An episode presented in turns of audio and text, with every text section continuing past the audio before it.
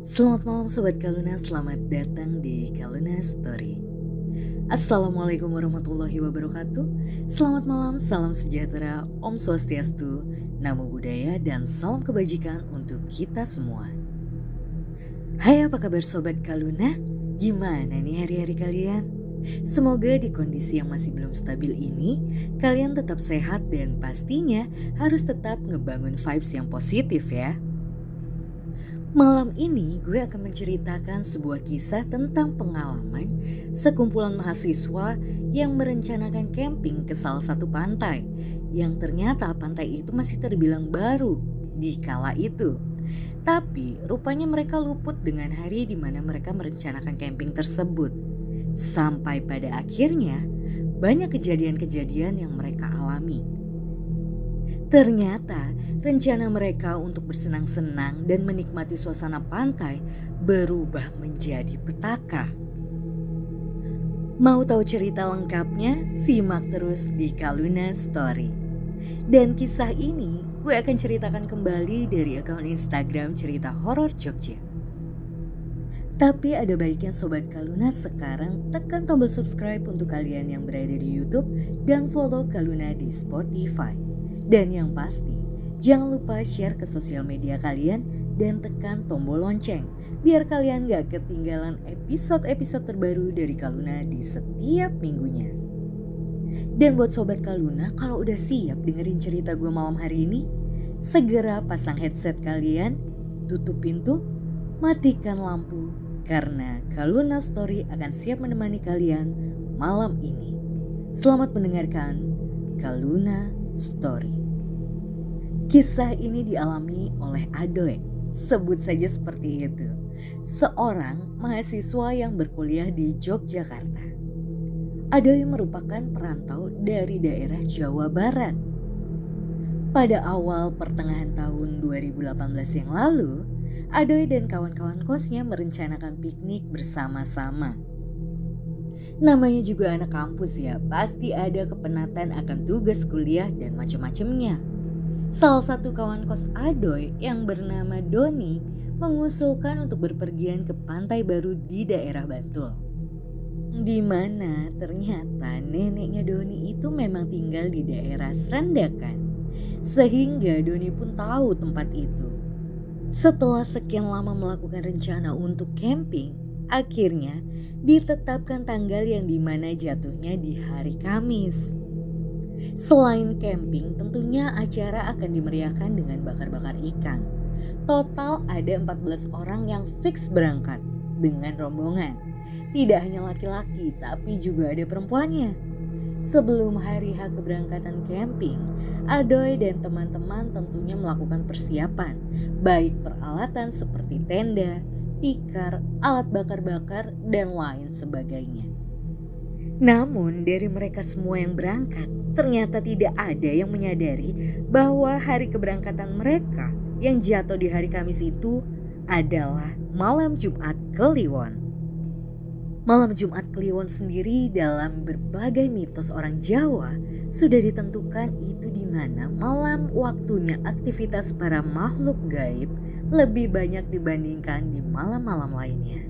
Adoy dan kawan-kawan berangkat dari titik kumpul mereka di tempat kos yang di mana tidak semua teman-teman yang ikut adalah teman satu kos ya. Ada juga yang teman main. Mereka pun berangkat pagi menjelang siang dan setelah melakukan perjalanan, rombongan motor ini selama lebih dari satu jam dari arah Jogja, tibalah mereka di Pantai Baru, daerah Bantul dan mereka tiba tepat pada waktu bada zuhur. Setelah melepas lelah sebentar, mereka pun selanjutnya membagi tugas. Ada yang pesan ikan dan kayu bakar untuk acara api unggun nanti malam. Ada juga yang bahu-membahu membangun tenda. Tapi ada juga nih yang ternyata cuma males-malesan sambil bermain gitar. Oh iya, buat yang belum tahu, kondisi di pantai baru ini emang cukup unik. Untuk menuju pantai dari warung-warung warga, pengunjung harus melewati lapangan pasir yang lumayan banget luas. Setelah itu menanjaki bukit kecil, menemui rimbunan pohon-pohon yang tertata rapi di pinggir pantai. Dan setelah itu, tibalah di pantai yang suasananya sangat indah.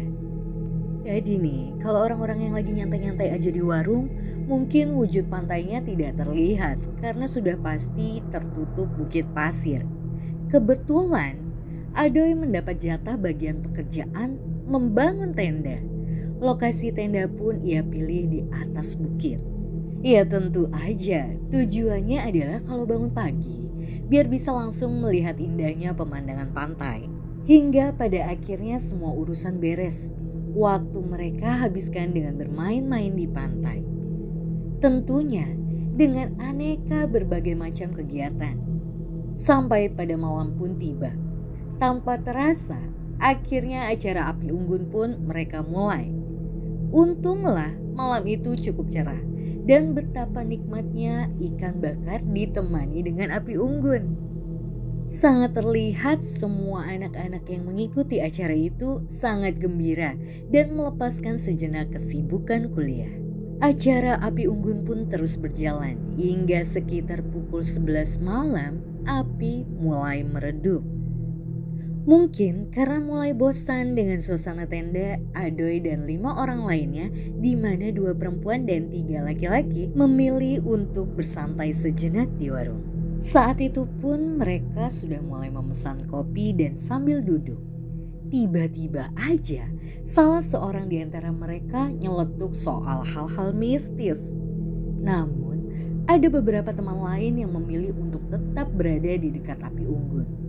Beberapa lainnya berjalan-jalan di tepi pantai untuk menikmati suasana malam pada hari itu. Hingga akhirnya pagi pun tiba dan mereka semua belum bisa tidur. Dua di antara mereka langsung aja merebahkan badan di tenda untuk tidur. Sementara Adoy dan sebut saja Anin jalan-jalan ke pantai sambil foto-foto. Sedangkan teman lainnya bernama Doni dan Dedi memilih untuk stay di warung.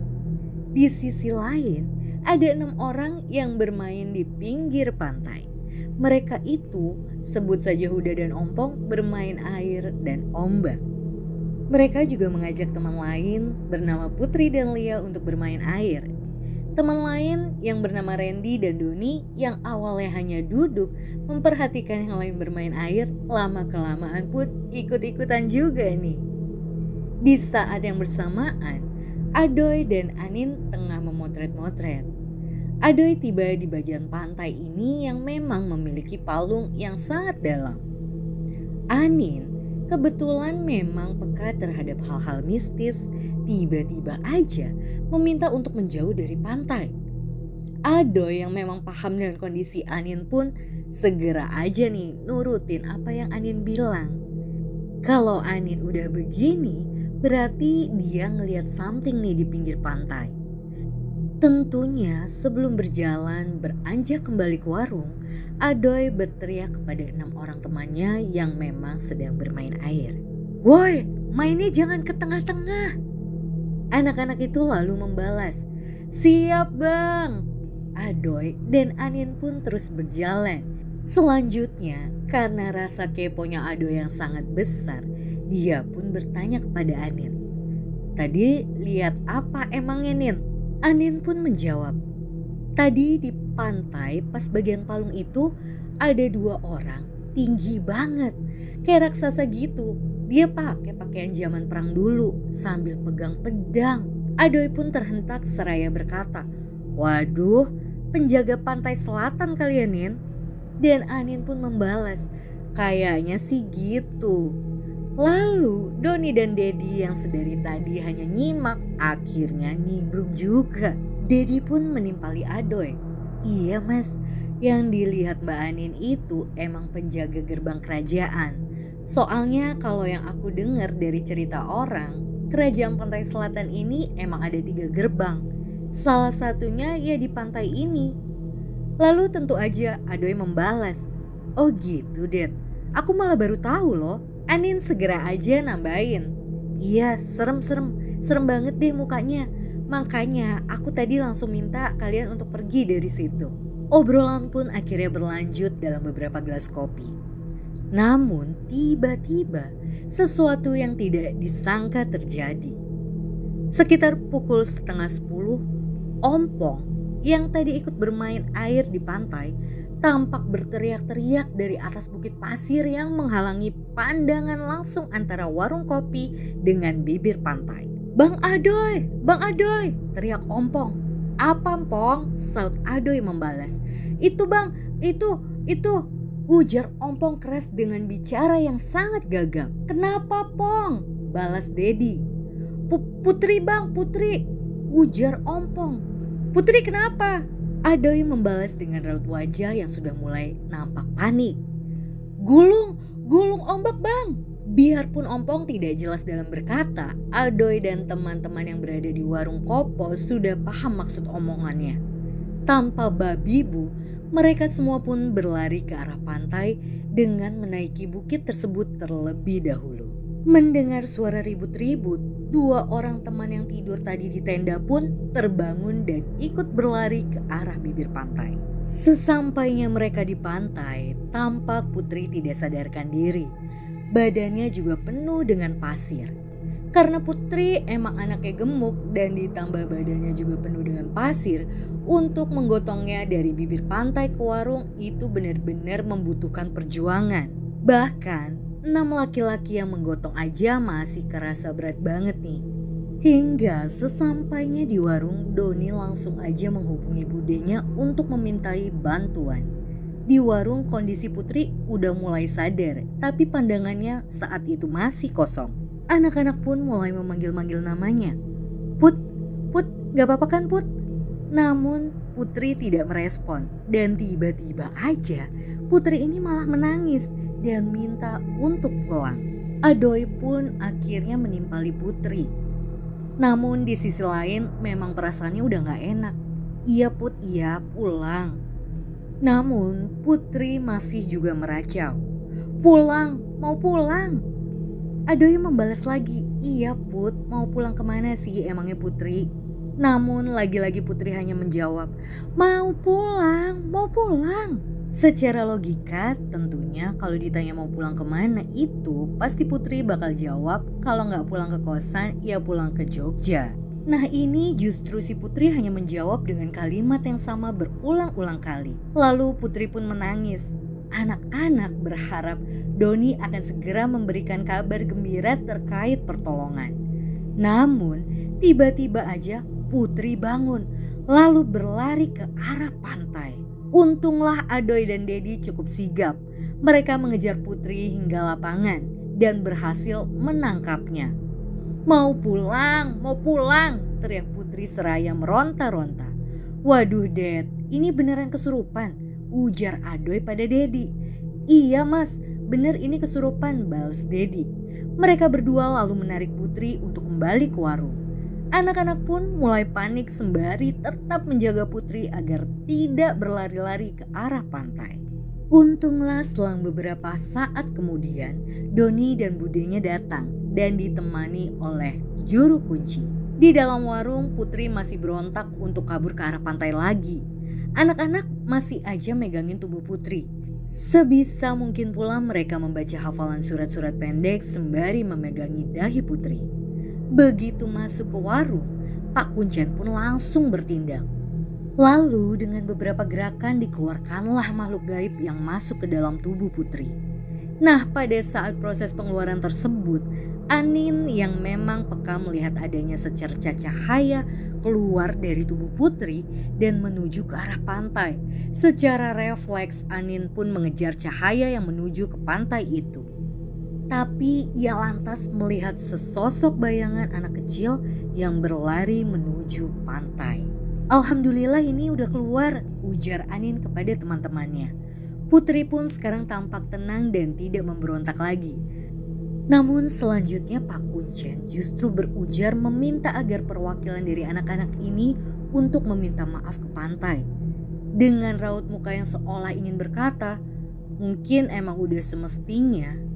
Beberapa orang dari mereka pun bergegas, yakni Huda, Dedi, Anin, dan Budi Putri pun langsung disuruh mandi, membersihkan badan ditemani oleh Lia dan budenya Doni. Rencana piknik pun segera saja mereka akhiri. Seselesainya meminta maaf, Putri langsung dibawa ke Jogja bersama Dedi dan Budi. Sementara itu, anak-anak lain masih berada di pantai untuk beres-beres. Tapi ada kejadian aneh yang mulai terjadi sewaktu Adoy dan Aning beranjak ke warung setelah melihat-lihat pantai dan meninggalkan enam orang temannya tersebut di pinggir pantai. Pada waktu itu, Ompong berbicara dengan Huda yang mana mereka berdua memang sadar sedang bermain air. Hud, nih air emang gini ya? Aku maju air ngejauh. Iya nih, airnya ngajakin bercanda. Langsung aja ompong kembali nimpalin. Mana gak ada ombaknya lagi? Gak seru. Rupanya obrolan tersebut sepertinya menjadi pemicu kejadian aneh selanjutnya. Beberapa waktu kemudian, Tiba-tiba aja ada ombak besar datang ke arah Ompong yang sedang bermain air. Ompong pun berusaha untuk menghindar. Namun tetap aja ia malah terbawa oleh arus. Ia pun terseret arus ombak. Karena tahu Ompong terseret arus, Lia pun berinisiatif untuk menolong dengan menarik Ompong. Namun justru Lia malah ikut terseret ombak. Rupanya arus memang terlalu kencang. Huda pun ikut membantu untuk menarik dan berhasil. Ompong dan Lial lepas dari arus ombak. Namun bukan berhenti masalahnya. Karena sekarang justru Huda yang terseret ombak. Sejurus kemudian Putri pun segera berlari menuju Huda untuk menolongnya. Ia pun berusaha untuk menarik Huda namun justru dia pun ikut terseret ke arah tengah laut. Akhirnya dalam sekejap mereka berdua pun tak tampak lagi menghilang seperti ditelan laut selatan. Ompong dan Lia pun teriak-teriak memanggil-manggil nama mereka berdua. Namun tidak ada jawaban dari mereka. Randy dan Doni yang memang melihat dari arah kejauhan langsung segera berlari menyusul. Tapi mereka sempat untuk menyelamatkan Huda, Lia sebagai satu-satunya perempuan di situ tampak hanya bisa menangis. Di tengah kebingungan mereka, tiba-tiba aja ada keajaiban muncul. Huda muncul dari ombak yang datang ke arah mereka berempat. Mereka pun langsung berlari ke arah Huda yang selama terseret sudah mengucap kalimat istighfar tanpa henti. Hud, gak apa-apa ta? Saud Doni di samping Huda. Gak apa-apa Don, gak apa-apa. Putri ke mana Putri? Balas sudah sembari melihat ke arah mereka berempat. Belum kelihatan Hud, saut ompong. Huda pun lemas tampak putus asa begitu mengetahui Putri tidak ada. Akhirnya ia pun duduk menjauh dari bibir pantai sambil memandangi lautan yang luas seraya berucap dalam hati. Ya Allah, jika memang teman hamba tidak kembali, hamba ikhlas ya Allah. Namun, tentu pertolongan dari Yang Maha Kuasa begitu besar. Persis di mana setelah Huda bergumam dalam hati, Huda merasa ada yang memegang kaki kanannya dari dalam pasir. Dan ternyata ada tangan yang memegang kakinya.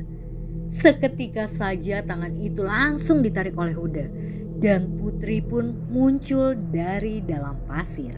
Huda lalu teriak-teriak ke anak-anak Huda merasa seperti ada gelembung di dalam air dengan cahaya putih yang menyilaukan.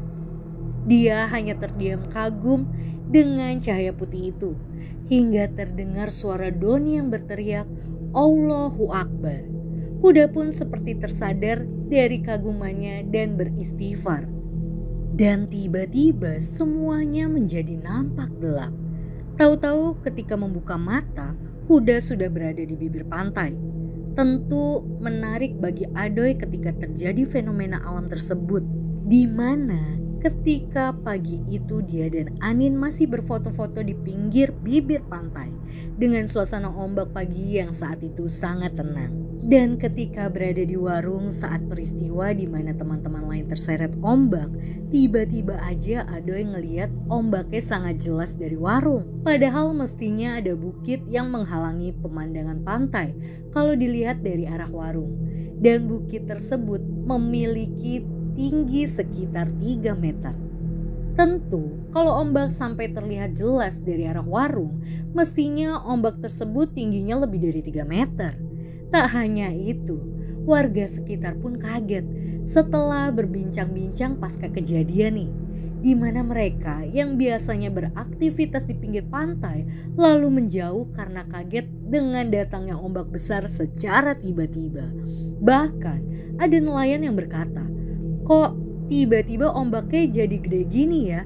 Padahal udah dua minggu laut amat sangat tenang. Rasanya laut sedang ngamuk. Baru setelah prosesi meminta maaf, ombak pun kembali tenang seperti semula. Nampak seperti saat Adoy dan Anin berfoto-foto di pinggir pantai. Setelah suasana tenang dan kawan-kawan beristirahat, Adoy pun ngobrol kembali dengan Pak Kuncen tersebut. Memang ombaknya sering besar gitu ya Pak? Pak Kuncen menjawab, sebenarnya ombak besar seperti ini harusnya terjadi minggu lalu saya juga heran, sampai kemarin lautnya masih tenang gak ada ombak. Mungkin ini lagi nungguin sesuatu. Adoy pun nimpalin. Oh gitu toh pak. Jadi rasanya kayak kita gini secara nggak langsung diundang ke sini ya pak. Menghela nafas sejenak, Pak Kuncian pun berkata lagi. Garisan takdir mas. Kan gak ada yang tahu sampai takdir itu terjadi. Teman kalian ini beruntung masih dikasih selamat sama Gusti Allah. Alhamdulillah pak, balas Adoy. Pak Kuncian pun berucap lagi, di mana pun kita berada, baiknya kita harus tetap menjaga tutur kata dan perbuatan. Karena kita ini hidup selalu berdampingan, jangan sampai mengusik atau menyinggung yang lain. Adoy pun hanya mengiyakan dan menganggukkan kepala. Sejurus kemudian, Pak Kuncian berkata lagi ke Adoy, Mas, pakaian Mbak Putri itu dibawa ke Jogja atau ditinggal ya? Kayaknya sih ditinggal pak, balas Adoy singkat. Oh syukur deh kalau begitu, ujar Pak Kuncen. Memang kenapa pak kalau dibawa? Tanya Adoy penasaran. Bahaya mas, kan di pakaian itu tadi banyak pasir pantainya. Ibarat alat elektronik pasir itu bisa jadi alat pelacak untuk menuntun makhluk halus ngikut ke Jogja. Makanya tadi saya juga nyuruh bersih-bersih badannya dan benar-benar jangan sampai ada pasir yang tertinggal di badan mbaknya. Terang Pak Kuncen lagi. Akhirnya setelah merapikan segala perlengkapan, Adoy dan kawan-kawan pun segera menunaikan ibadah sholat Jumat. Baru kemudian setelahnya mereka semua berpamitan kepada Pak Kuncen dan penjaga warung, lalu pulang kembali ke Jogja. Beribu syukur mereka panjatkan dan untunglah tidak terjadi kendala lagi di perjalanan pulang. Nah buat Sobat Kaluna kalau kalian ingin melakukan liburan ke mana pun apalagi yang ibaratnya nih ya melebur dengan alam tetap bersikap sewajarnya dan bertutur yang baik-baik karena bisa jadi hanya karena mulut yang sekedar bercanda akhirnya alam semesta pun mengamini. Dan yang pasti dijaga juga niatan dalam hatinya ya dan pastinya kalian tetap harus melihat-lihat hari atau tanggalan secara tradisi nih kalau emang mau perginya ke tempat-tempat yang menyatu dengan alam. Nah gue rasa sekian dulu cerita gue pada hari ini. Kalau Sobat Kaluna ternyata memiliki cerita misteri, gue mau ngajak Sobat Kaluna buat nulis dan ngirimin cerita misteri apa pun yang kalian punya ke tim Kaluna. Siapa tahu cerita kalian bisa dibawain oleh tim Kaluna Story nih. Dan kalian bisa langsung aja kirimin cerita kalian ke email kita di storyofkaluna at gmail.com. Jangan lupa juga buat Sobat Kaluna bisa terus pantengin kisah-kisah seru lainnya baik di Youtube, Spotify maupun di Instagram Kaluna karena Kaluna bakalan punya segmen-segmen baru nih yang gak kalah serunya. Terima kasih banyak buat Sobat Kaluna yang masih setia dengerin Kaluna Story. Akhir kata, gue Dide Tari, pamit undur diri, terima kasih, dan selamat malam. Lihat sekelilingmu, siapa tahu kamu gak sendirian tidur nyenyak, dan selamat istirahat.